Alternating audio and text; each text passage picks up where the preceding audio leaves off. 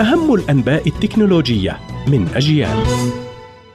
إليكم نشرة التكنولوجيا من أجيال. أهلا بكم. شركة نيور آلينك المتخصصة بمجال شرائح الدماغ والمملوكة للملياردير آيلون ماسك تستعد لبدء أول تجربة بغرس شريحتها في دماغ شخص مصاب بالشلل. لاختبار سلامة الشريحة وفعاليتها.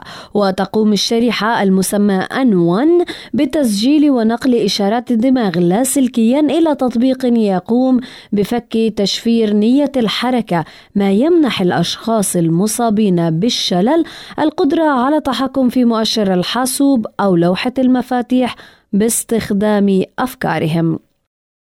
في أخبار تطبيقات التكنولوجيا الطبية كشفت شركة جوجل عن نموذج أولي لمجهر يعتمد على تقنيات الواقع المعزز والذكاء الاصطناعي لمساعدة الأطباء المتخصصين في تشخيص الأورام السرطانية وأمراض أخرى. ويمكن للمجهر تحليل المؤشرات المرئية مثل الخرائط الحرارية لتحديد وجود خلايا سرطانية أو أي من الأمراض الأخرى في العينات المأخوذة من الأنسجة البشرية.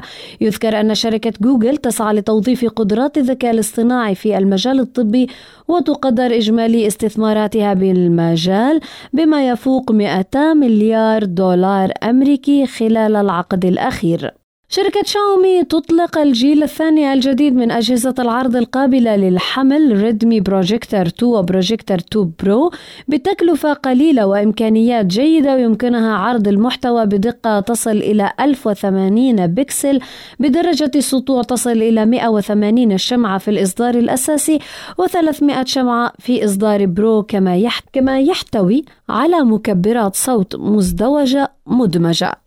هذا ما كان لدينا في أخبار التكنولوجيا من أجيال. قرأتها عليكم ميسم البرغوثي. إلى اللقاء.